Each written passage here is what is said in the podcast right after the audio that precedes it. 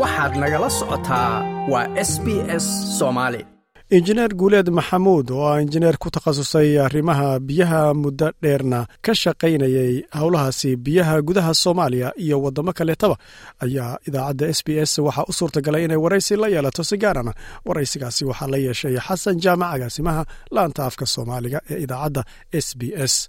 Wuxuuna ugu horrayntii weydiiyey bal inuu u qeexo marka hore dhegaystayaalka howlaha u qabto wuxuuna ku jawaabay. Bismillahi raxmaan iraxiim marka hore waxaan rabaa inaan salaamo dadka dhegeystayaasha ee ku xiran s b s. Marka xiga anigu waxaan hadda la shaqeeya hay'adaha n g o-yada internationalka ah. Muddo hadda inta aa sheegtay ah ku dhowaad waa la shaqaynayey hadda tana hadda aan ka shaqeeyo waxaan ka shaqaynaa wadamo ilaa labaatan kor u dhaafay. Laakiin meelaha agjawa aan biyaha ku shaqada leh oo biyaha aan wax ka qabano. Waa wadamo sida uganda congo sudan south sudan ethoobiya soomaaliya intaasa hadda ugu weyn bakistan ayaantii dhaweeda dhibaatada ka dhacday waa tagnay laakiin intaasa ugu weyn. Waa garta marka abaaraha hadda soomaaliya ka jira oo sanado badan soomaaliya ay soo aragtay markay biyaha noqoto dhibaatooyin noocee aha dadka ka haysta sidii biyo ay u heli lahayn dadka iyo xoolahuba walaal waa mahadsan tahay. Marka hore horta nasiib xumo abaar aan laga sheekeyn karin baa wadankii ku habsatay. Meelaha qaarkoodna ilaa afar jeer afar sano baan roobkii aysan helin. Meelo qaar oo hadda roob hele waa jira lakiin inta badan abaartaasi afar sano meelaha qaar baan helin. Marka mar walba oo abaarta dhacdo waxay ku soo food yeelataa iyadoo ceelashii intooda badan aysan shaqayneyn marka markaasaa la argagaxaa oo qof walba dhahaa ceelashii hala hagaajiyo hala sameeyo nasiib darada haysatana waxa weye ceelasha iyadoo ma yara tiro ahaan. Tiradii tiro koobkii ugu dambeeyey waxaan ku sheegnay ilaa laba kun oo biyo qabad oo biyo soo saara oo ay ku jiraan barkadihii springigay ku jiraan. Laakiin ceelasha waa ilaa iyo waxaan is leeyahay ilaa kun iyo lix boqol kuwa gaagaabanaya kuwa dhaadheer. Marka inta badanna waa halaysan yihiin. Marka waxaa isku soo aaday abaarihii iyo ceelashii intooda badan halaysan oan shaqayneyn xagga kalena waxyaalaha keenaya kasi daran waxa meeshii malaha dhul beereed oo caws laga beerta maleh oo dadku ay beertaan oo dadkii ay markii abaarta dhacdoo kale dadki looga gurmado. Marka meesha ay roobku ka da'o oo bay dadku isugu yimaadaan haddii meeshaasi ceel biyood uusan lahayn oo ay haddana ay rabaan u safraan biyihii meel dheer taasaa dhibaatada badankeed keenaysa waa garta marka ceelasha intooda badan waa halaysan yihiin baa tiri maxaa ka halaysan ma matoorka biyaha soo qaadaa maxaa ku dhaca? See ciladoobaa ceel. Walaalow horta marka hore ceelasha markii hore la sameynayeyba waxay u badan tahay dad business ku galay oo aan aqoon badan u lahayn oo ground waterka iyo sida maaragtay xaaladaheeda aan fahamsanayn baa ceelashii qoday. Marka waxaa laga yaabaa si fiican marka horeba inaysa u qodin. Ceelku noloshiisu waxay ahayd ilaa konton sano inuu jiro taa haddii laga soo gudbo waxay ahayd haddana in maintenance lagu sameeyo oo mar walba la tago ceelkii lixdii bilood mar sannadkii mar ciidda laga saaro qashinka laga saaro ilihii hadday oodmaan la furo la buufiyo haday biyihii haddii anagu biyaha aad bay cusb cusbay leeyihiin waana adag yihiin. Marka waxaa isugu darsamay weyeer oo adeyga ah iyo cusbadii. Markaasaa tuubadii birtayd waxo dhan baa jajabayso corrosion ku dhacaya marka waxay xirayaan ilihii biyahoo dhan bay xirayaan kaysinka ilihiisii bay xirayaan marka waxaa ka maqan meeshii maintenancegii ceelkii dib habeentii lagu sameeya ka maqan waxaan is leeyahay waxa keliya aan qabanaa hadda waxa weeye bamka hadduu hallaabo in laga bedelo iyo generatorka laga bedelo intaa waxay dhaafsiisaan ceelkii qabaa waa inta la dabala laga tagaa. Haddaanan la dayicinba oo marka dadka banaanka loo laakiin inta badan dhibaatadaas ugu muhiimsan. Dhibaatooyin jira waxaa ka mid a inta la qodaayo iyana waxbaa ku dhaca dadkii ma yaqaanaan sida wixii looga soo saaro. Adigu waxaan is leeyahay ceelka qodistiisa labaatan boqolkiiba dadkeenu yaqaanaan. Waa garta marka ceelashaas markay hallaabaan ama cilada ku dhacdoo kale yay mas'uuliyadooda tahay inay dib u sameeyaan ama dayactiraan ma qofka iska lehba dowladaha ama kuwa gobol ama federaal amase hay'adaha taa u shaqaysoo kalaha baa shaqo ku leh?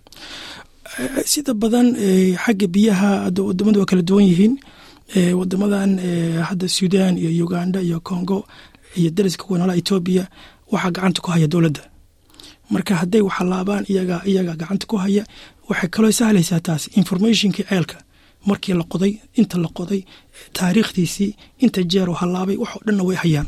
Marka adigu haddaad timaado ama hay'adahaw ama qof shicibah wixii macluumada dowladda haysa laakiin meele waxaa jirta sida hadda soomaaliya oo kale gaar ahaan puntland oo kale waxaa maamulka inta badan haya dadka tuulada degan ee meesha loogu tegay. Marka hay'adaha qoda inta badan hay'adahana waxay ku wareejiyaan dadka meesha jooga si iyagu u maamushaan.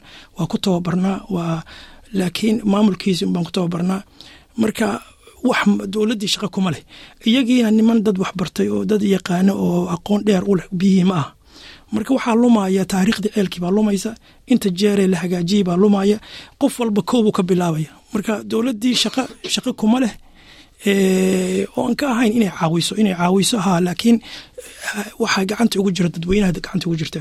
Waa garta marka hay'adda hadda adigu aad u shaqay sidoo kale inta badan howlaha qabataan ma maintenancega ama dayactirkaasa mise kuwa cusubbaa qodaan mise dadka unbaa caawisaan oo matoorka iyo wixii ka halaaba sida hadda sheegtay baad siisaan ka caawisaan horta inta badan hadda hay'adihii waxay joojiyeen inay ceel cusub qodaan waxayna u joojiyeen waxa weeye konton lixdan boqolkii ceelashii cusba waxay noqdeen khasaaro. Aqoon meeshii aqoon xumada taalla iyo qalabkii oo aan wanaagsanayn oo yaalla meeshii waxay noqotay in lixdan boqolkii ceelasha lacagta lagu baxsho. Ay maaragtay ay khasaaraan. Marka waxaan ku dari lahaa waxa ugu weyna aan qabana waxaa weeye markii ceelashii dadkii ka qalbi jabeen oo haadihii ka qalbi jabeen ceelashii cusba oo inta badan ay ceelashii lagu hungoobo oo aan aan hagaag hagaag hagaagsamayn marka lacag badan lagu baxsho. Hadda waxay qabtaan inay dayactiraan. Marka dayactirka hadda waxaa naga taagan dhibaato weyn baa ka taagano. Dayactirkii waxaa loo wada qaatay bam gubtay bedelkiisii iyo baybab rujuumay baybabka laga soo saaro iyo motoorka la hagaajiyo. Dadkii waxaysan aqoon u lahayn xataa hay'adihii baan aqoontii ahayd in ceelku waxyaalo badan laga qaban karo. Oo aan intaa ahayn baan jirin. Guuleed waa mahadsan tahay soomaalida inteeda badan marka laga hadlayo arrimaha hay'adaha caalamiga iyo n g o-yada soomaaliduna waxaad moodaa eedahaba dhibaatooyinka wadanka jira inay hay'adahaasi saaraan. Markii baahi timaadana kelmadda u horeysa waxa weye hay'aduhana soo gaareen. Marka soomaalidu ma ma ayaga khaldan mise hay'adaha dhibaatada wada bal arrimahaas doodooda iyo eedahooda iyo dabcan waad maqasha maadaama aad enjiyooyadaas la shaqeynaysa waqti badan. Se xaggee wax ka khaldan yihiin? Walaalo mahadsan tahay horta xaqiiqdii waa sidaa sheegtay. Layskuma fiyooba. Hay'adihii iyo dadweynihiiba intaa waa uun las eedeynaya waxay ila tahay aniga hay'aduhu sida badan siyaasadda ay qorshaystaan istraatijiga ay sameeyaan oo biyaha sanadka ay mardejistaan wadanimona kuma jirto diinna ma wado. Inta badanna waa dan gaara oo waxyaalaha isleeyihiin ama lacagta ay hayaanba intaasa ama siday waxu fuliyaanba intaa noqonaysa. Waxyaalo badan xakameynaya jira. Amaba doonis oo wadanka ay u danqanayaan badanna ma jiraan. Marka horta hay'aduhu marka horeba in yar baa laga yaabaa wax la taaban karo fiican. Anigu waxaan xasuustaa hay'ad sagaal milyan sanad u qorshaysay oo hadda wax la taaban karo aan kaaga sheegana aan wixii ahayn. Waxay diideen in ceel cusub la qodo. Waxay xoogga saareen in bam iyo motoor la bedelo xataa dadweynihiibaa nimankii ceelasha hayey iyagii laftirkoodiibaa waxay ka arkeen wixii business. Sanad walba waxay leeyihiin ceelkii waa fadhiya lala soo gaaro bamkii iyo muxuu ahaa iyo generatorkii haddaad meesha tagto assessmenta ku tagto waxaa arkaysaa meel ay taallo shan generator. Iyo afar bam taallo. Marka siyaasad fiican maaha. Waxaan jirin institutionadii wadanka ahaa joojin lahaa oran lahaa maaragtay u dhaxayn lahaa dadweynaha iyo baan jirin. Marka hadalkaasaan ku noqdo adii institutionna waa jiraan oo shaqaynaya oo dadaalaya waa jiraan laakiin institutionkii wax dhibaata haysata shaqaalihii lacag fiican ma qaadanayaan injineeradii waxay iska noqdeen injineero shaqa ku sugaya. Marka iyagii haddii lacag badan la gelin lahaa oo shaqaali lacag badan la siin lahaa oo injineero wax bartay oo maaragtay ma fresh graduate maahe injineero wax soo bartay muddo shaqaynayo loo soo jiidan lahaa sidii hay'adahoo kale waxay la xisaabtami lahayn hay'adihii. Waxay ka celin lahaayeen. Wixii siyaasada xunna way celin lahaayeen. Wixii fiicnaana way dayn lahaayeen. Hadda tusaalaha waxaan ku soo qaadan karaa hadda suudaan iyo uganda iyo iyo etoobiya gaar ahaan suudaan iyo uganda. Waxay leeyihiin hay'ad dowladda hoos timaada hadda uganda madaxweyne hoos timaada xafiiska madaxweyne hoos timaada waxay ilaalisaa hay'adaha waxay qabanayaan. Ilaa iyagoo ay ansixiyaan oo hawsha a qabanayno. Nooma daayaan inaan brojects qabanno marka waxaa la rabaa hay'ad xoog leh oo hay'addii la xisaabtanta oo aan oran keliya xaggee wax wadaan maxaa wadaan ceel baan taga oo idin raacayna. Laakiin dhaha maaragtay sanadkan ceel dayactir ma rabna. Sanadkan waxaan rabnaa intaasoo ceel baan rabnaa in loo qodo cusub. Marka howl ma qabanaysaa ilaa intaa aad samaysaan. Xisaabtankii baa walaal meesha ka maqan. Waa garta marka dowrkii dowladda ama mid gobol ha noqdo ama tii federaalka baa liidata weye jawaabta waxaa laga yaabaa iyagana duruufo inay haysato oo maaragtay xaggii maogtay dakhligii iyo lacagtii ku soconaysay. Waxaa laga yaabaa injineero badan oo hay'aduhu shaqaalaynayaan iyagu inaysan shaqaalayn karin oo lacag aysan u hayn. Laakiin meesha waxaan is leeyahay haddii hay'addu hay'adda xoog la saaro oo shaqaalaha dhaqaalahooda la hagaajiyo oo awood la siiyo waxaan is leeyahay waxay noqonaysa sida hadda inaad suudaan tagto oo aad adoo injineera advisor suudaan u tagto waxa waxa ku controlaya hay'adda controlaysa haddaysan kuu qancinna fiisa ku siin maayaan. Waa qolada biyaha wey ilaa iyagoo ay yidhaahdaan ninkani waan ogolaanay kadib baa fiisa lagu siinaya. Marka markaan meesha tagnana iyagii baan la xisaabtay xoranayaan waxaas waxaasaad tiri waa qabanaynaa markaad baxayso intaas intaasaan kaa rabnaa weliba markaad magaalada aad tuulada markaad tagto ceelka kor istaagto iyagiibaa kula socda marka waa xisaabta dhaba wey oo weliba waxay awood u leeyihiin inay waddan kaa musaafuriyaan. Ama hay'adda musaafuriyaan. Haddii aad wixii lagu talagalay oo iyagu ay rabeen waa siyaasadda aan ku shaqayno waa siyaasadooda waay. Ma aha tan anagu aan dejisana maaha marka markaanu dejinayna siyaasadda iyagaan la tashanaa hay'adda baan la tashanaa laakiin waxaan u malaynayaa dad badanna waa igu raacayaan howlahaas. Waxay la tahay wax badan oo anigana dowladda waa la soo shaqaynay advisor baanu ahaa. Hay'adaha aad bay madax banaani kheyra caadiya bay leeyihiin. Mana aha runtaas waxaan jeclaan lahaa in la xakameeyo. Waa garta. Marka guud ahaan abaarahanu waa soo noqnoqdeen waxaa la yidhahdaa inta badan isbeddelka cimilada ka mas'uula abaarahan laakiin dadku inay u dhintaan oon ama gaajo ma la dhihi karaa waxaa keenaya nidaamkeena dowladdo ama aan deganayn iyo musuq maasuq baahsan oo wadanka ka jira. Isbedelka cimiladu waa dhacay abaarta waa keenaa laakiin dadku inay u dhintaan oon iyo haraad ma ahayn ma la dhihi karaa? Wallaahi horta arrinta managementiga iyo iyo istraatijiga horta waa waxaa weeye waxay la tahay in la hagaajin karo. Fursad badan oo lagu hagaajiyo way leedahay wax badanna way bedeli lahayd. Waxaan aaminsanahay hadda qalabyada ceelasha lagu qodo idil. Haddii dowladda ama wakaaladda biyaha ama wasaaradda biyaha iyadu ay haysato inta ay hay'ad baryi lahayd waxa ku baxa waa operationkii waa ku bixi lahaa. Intay hay'ad baryi lahayd iyadaa qodan lahayd. Ceelasha cusub hay'adaha mashiinada cusubna waxaa lagu qodaa waa isbuuc wey waxaa laga yaabaa muddo hal sana ah in maaragta labaatan soddon ceel lagu qodi lahaa marka siyaasadda wastaan hadda ka sheekeynayo siyaasadda iyo managementiga waa horta waa lafdhabarkii waay haddii taasi ay qallucsan tahayna hay'aduhu budanimana kuma jirto diinna kuma jiraan.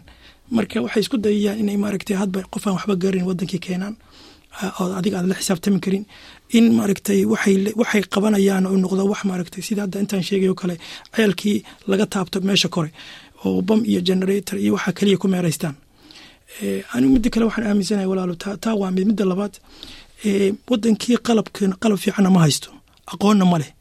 Hadda wadankeena cid ka aqoon badan soomaalida ma jirto. Laakiin dadkii aqoonta lahaa baan la hanan karin.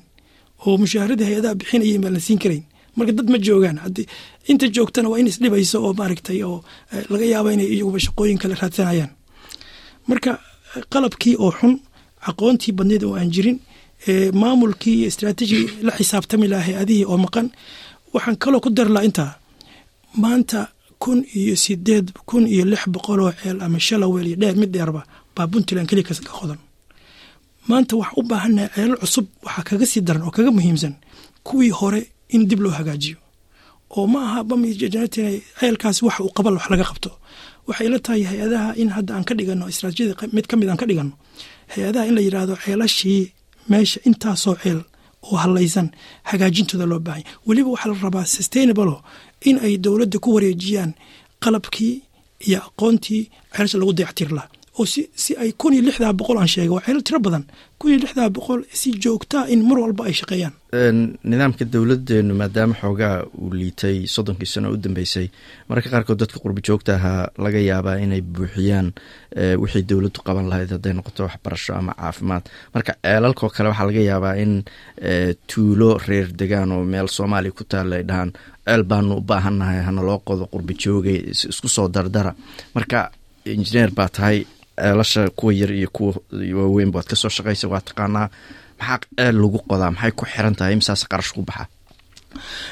Ceelasha horta sida badan ceelasha dhaadheer innaga hadda hadda gobolka aan ka nimid oo puntland oo kale ceelasha dhaadheer waa laba boqol ilaa afar boqol baa hadda baan baa qodnaa xagga xagga qiimaha oo mitir mise lacag ba oo mitir laba boqol adigu boqol mitir ilaa waxaan adigu wixii lixdan konton soddon wixii ka shisheeya waxaan dhahnaa waa ceelasha dhaadheer. Marka ceelasha dhaadheer ilaa iyo afar boqol iyo konton. Waa la qodaa hadda. Dhul waxaa jira dhaadheer oo maaragtay oo biyaha aan aada loo helin biyihii aan dhoweyn oo formationka biyaha ku jira ay dhaadheer yihiin. Waxaa ka mid a dhulkan meesha hadda burtiinle iyo nugaal dhinacaas ilaa afar boqol oo mitir baa loogu talagala dhulka gaaban oo waxaa jirta biyahooda shalow yihiin oo berch water iyo biyahan dhexe ah la qabtanaya waa jiraan oo boqol mitira inta badan waxay u dhexeeyaan boqol ilaa afartaa boqol dhaadheer xagga qiimaha mitirkii waxaa lagu qodaa boqol dolar ilaa laba boqol oo dolar boqol dolar mitirkii mitirkii mitirkii boqol dolar ilaa laba boqol oo dolar waxaa laga yaabaa hadda ceelka ku yaalla gaalkacyo kale laba boqol oo mitir la qodo waxaa laga yaaba in laba boqol min laba boqol waa afartan kun wey marka ceelkaasoo kale waa afartan kun. Hadda garowe oo kale nugaal ceelal gaagaaban baa jira togaga agtiisa ilaa boqol mitira kaasoo kale waxa weeye boqol min boqol waa toban kun. Ma la sii ogaan karaa marka ceelku inuu noqonayo mid dheer iyo mid gaaban? Ka hor intaan la qodin. Wallaahi su'aal fiican weye waxa weeye waxyaalo badan oo dadka qurba joogta marka isagoo dadkii intay u dhaxaan raba inay wax u qabtaan tuulooyinkoodii dadku waxay badanaa ka bilaabaan ceelkii riig hala raasho ceelkii hala qodo. Marka waxay ka tegayaan ceelka in baaritaan marka hore la sameeyo la hubsado in meesha biyaha ku jiraan lakabka uu biyaha ku jiro ma boqol mitir baa la qodaya ma afar boqol mitir baa la qodaya in la hubsado. Meeshii ma tahay meel biyo fiican leh ilo kale ma jiraan.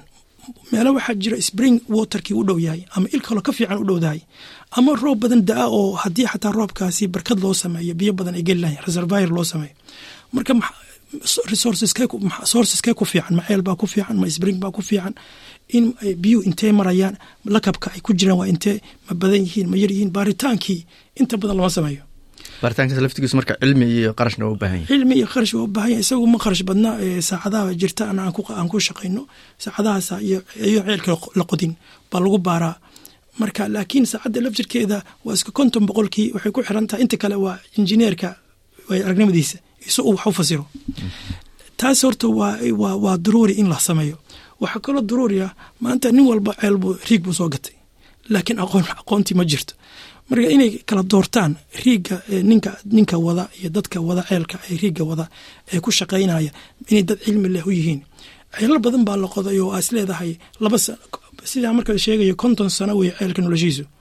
Marka ceelkiibaa markii la dhamaystay laga yaaba laba sano gudahood inuu dumo markii la qodayay bay wax ka halaaben ka halaysnaayeen. Marka nimanka wax loo dhiibanayana iyo riigga wax qodayana aqoontoodana waa muhiim wey waa garta marka adigoo kale hadda oo injineer oo bartay oo jaamacada uga baxay intaasna ka soo shaqeynaya.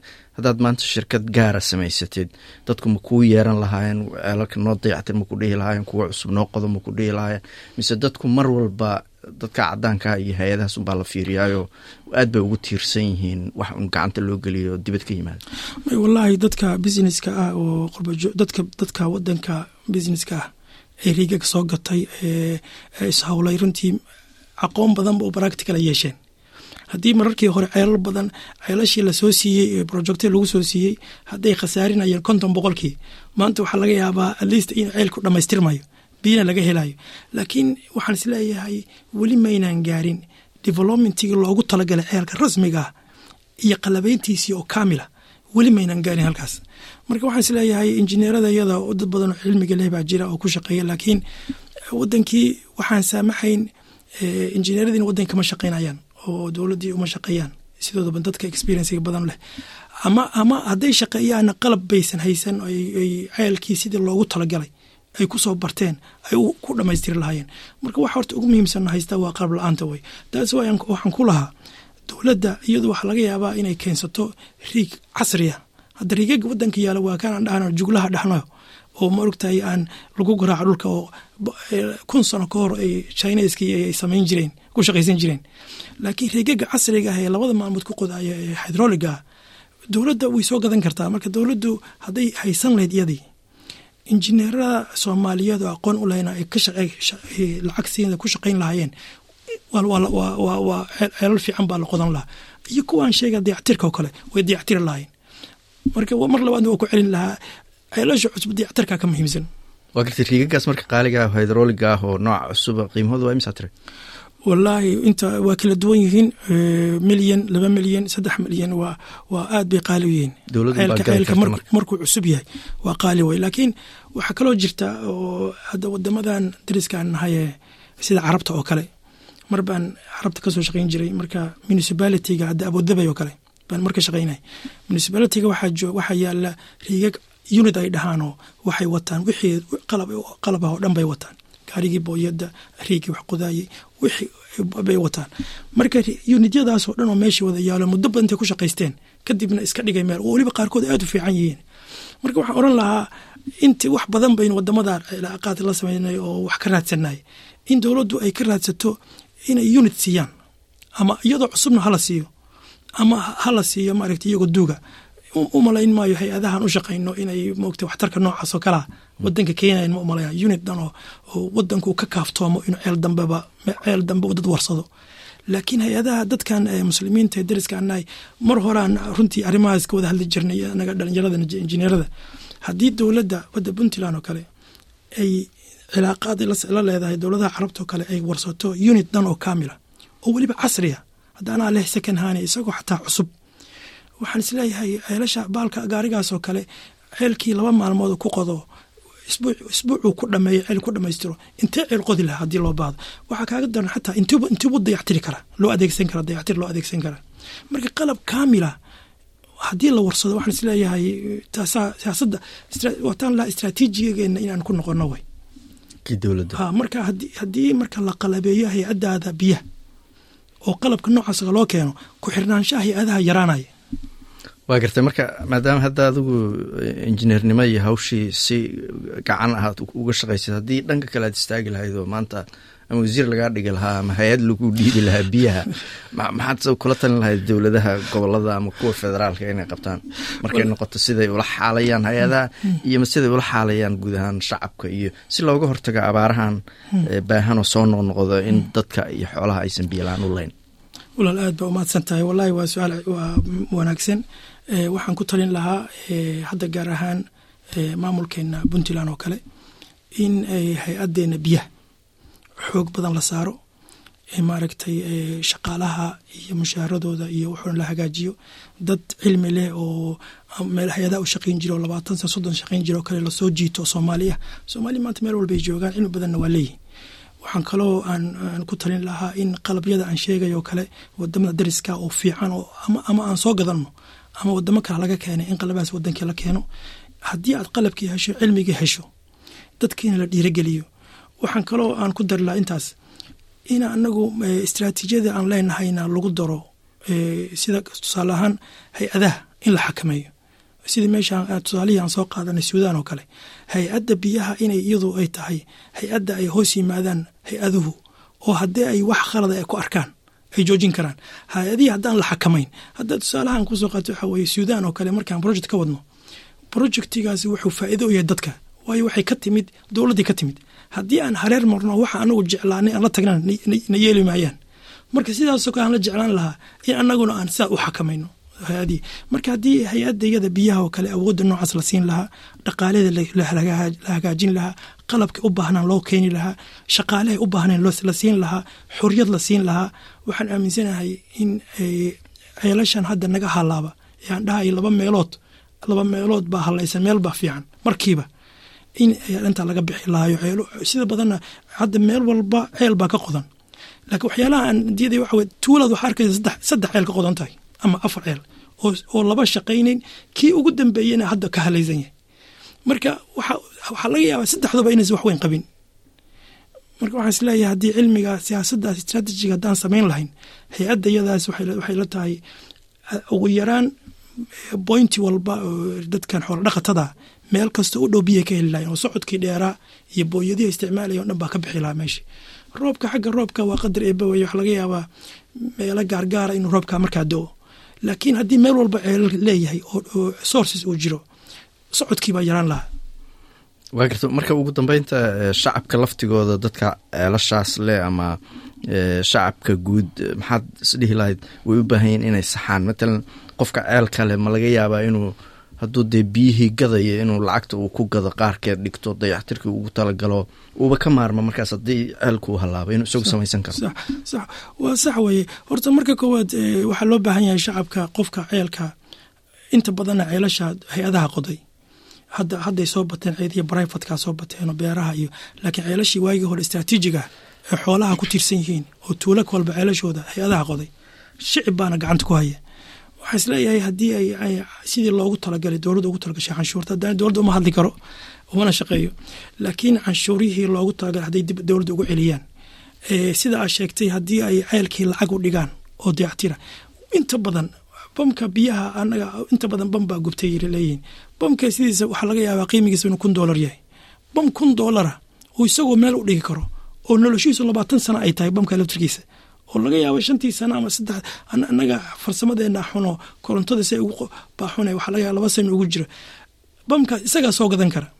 Halka ay intay damiyaan ceelkii dadkii oranayaan biyo ma jirto oy markaa meel kale ka doonanayaan oo haadihii rabaa inay tusaan inuu ceelkii u dansan yahay oo dhibaato jirto oo laga yaaba saddex isbuuc ama bil ama laba bilood ceelkaa uu dansan yahay. Waxa uu dansan yahay ay tahay bam yar loo soo gado isagu soo gadan karo marka inay iyagayna ku talagalaan inay ceelkooda hagaajistaan ceelkayna iyagu leeyihiin dowladda ay kaalmeeyaan oo waxyaalihii hadda hay'adda oo kale wixii iyaga laga rabay ay bixiyaan. Waxaan is leeyahay shacabka doorkooda taas weeye. Iyaga laftirkooda hadday arkaan hay'addii inaysan wax fiican qabanayn ceel baa loo soo diraa ceelkii baa lagu hangoobayaa waxaa laga yaabaa inuu ninkii qandaraaslaha been sheego yiraahdo ceelka biyuu leeyahy shicibkii waxaa laga rabaa tuulada inay yirahdaan ceelkan biyo ma leh waa la khasaaray. Isagaa naga khasaaray. Meel kalena looga qodo. Xisaabtanka noocaas oo kale iyana shicibka waaye nimanka businesskan waxaan kula talin lahaa soomaalida. Hor soomaalida waxaan ku fiicannahay businesskan waa ku fiicannahay dadka waa ku dayanaa qalabkii meelaha kale cilmiga waa ka soo bowsanaa waa isku daynaa geesinimo badan baa jirta. Laakiin waxaan oran lahaa inaysa intaa ka sii dar ka sii wanaajiyaano sida rasmi ah ee wax loo qodo mogtahay riig soo gado oo ku sii daa dhulkii oo soo doona hawl yeelo waxaa ka fiican marka hore inaad isdejiso oo si nadaamsan wax wanaagsan aad qaban karto. Ood ogtahay ceelka ceelkaaga iyo injineerada ee dadka u shaqeeya inays dadka khaldayn oo ceelkii sidii loogu talagala u samaynaya iyagana waxaa xilkaasaa saaran ma aha inuu dadkii tuso qalab baan haystaa diyaar baan ahay lacag baan rabaa laakiin xilka saaran waxa inuu ka daacad noqdo. Waxa laga rabay inuu soo isagaa yaqaan. Niman baan ninbaa anagoo ihaadi ka soconna ninkii contractigabaa dadkii khiyaamay. Wuxuu samaynayaa ceelkiiuu biyo ka waayey mana gaarin biyihii meesha loogu talagalay. Booyaduu intuu soo qaado ku shubay. Markii injineeradii madaxda yimaadeenoo ceelkii lagala wareegi lahaa buu ceelkii wuxuu ku daaray intii biyaha ku jirtay rubaysaac buu daaray si u tusay inay biyo jiraan. Dadkii shicibka ahaa ee loo qodaayey meeshay joogaan ka hadli maayaan. Waa ogyihiin ka hadlayaan. Waxaa laga yaabaa danooyin gaar inay fiirsanayaan. Marka ninkii xataa waxaa laga yaabaa hay'adda iyo qoladii kale sidii loogu talagalay in u baara ula wareego lama baarayaano labaatan afar saac inay testigu socdo. Saddex maamood inuu testigu socdo. In biyuhu intaa socdaan. Maxaa keenay rubaysaacu inuu kor taagnaado? Saddexdii booyaduu ku shubay keliya intii u ka dhammaanay maxaa keenay? Marka waxaan waxaa la rabaa in daacad laga noqdo. Qofkii shicibka tuulada mathalaya odaygii mathalaya tuulada inuu daacad ka noqdo oo haddii wixii aysan hagaagin uu sheego. Ninkii injineerka kii dowladdu soo dirsatay intiiba wax laga rabaa inay daacad ka noqdaan marka adig waxaan leeyahay kaalinta ay shicibku qaadan karaan. Waa taasaan is leeyahay kaasi waxa uu ahaa injineer guuleed maxamuud oo u warramayey xasan jaamac agaasimaha laanta afka soomaaliga ee idaacadda s b s. Like aas la wadaag wax ka dheh lana soco barta facebooka ee sb s soomaali